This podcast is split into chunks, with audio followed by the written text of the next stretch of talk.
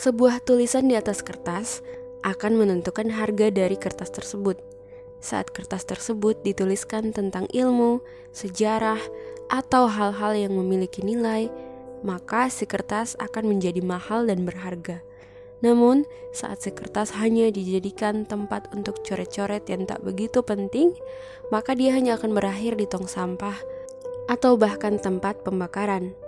Begitulah bagaimana masa depan sebuah kertas ditentukan oleh apa yang tertulis di atasnya. Saat di atas kertas tertulis firman-firman Allah, kemudian disatukan menjadi sebuah kitab, maka dimuliakanlah si kertas tadi menjadi Al-Quran. Hidupnya akan sangat beruntung karena tidak sembarang orang bisa menyentuh, tidak sembarang tempat dia diletakkan.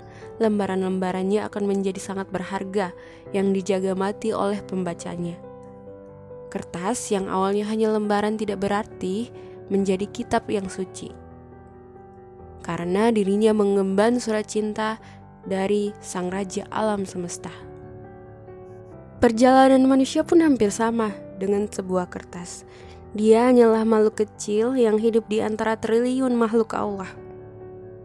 Dia hanyalah titik kecil yang tidak ada apa-apanya jika dibandingkan dengan semesta, tata surya, apalagi galaksi tidak ada yang membuat dirinya spesial dan tidak ada yang membuatnya berharga sampai dia menuliskan iman dan takwa dalam buku catatan amalnya sehingga hidupnya menjadi coretan yang penuh makna yang akan membuat dirinya insan yang paling beruntung.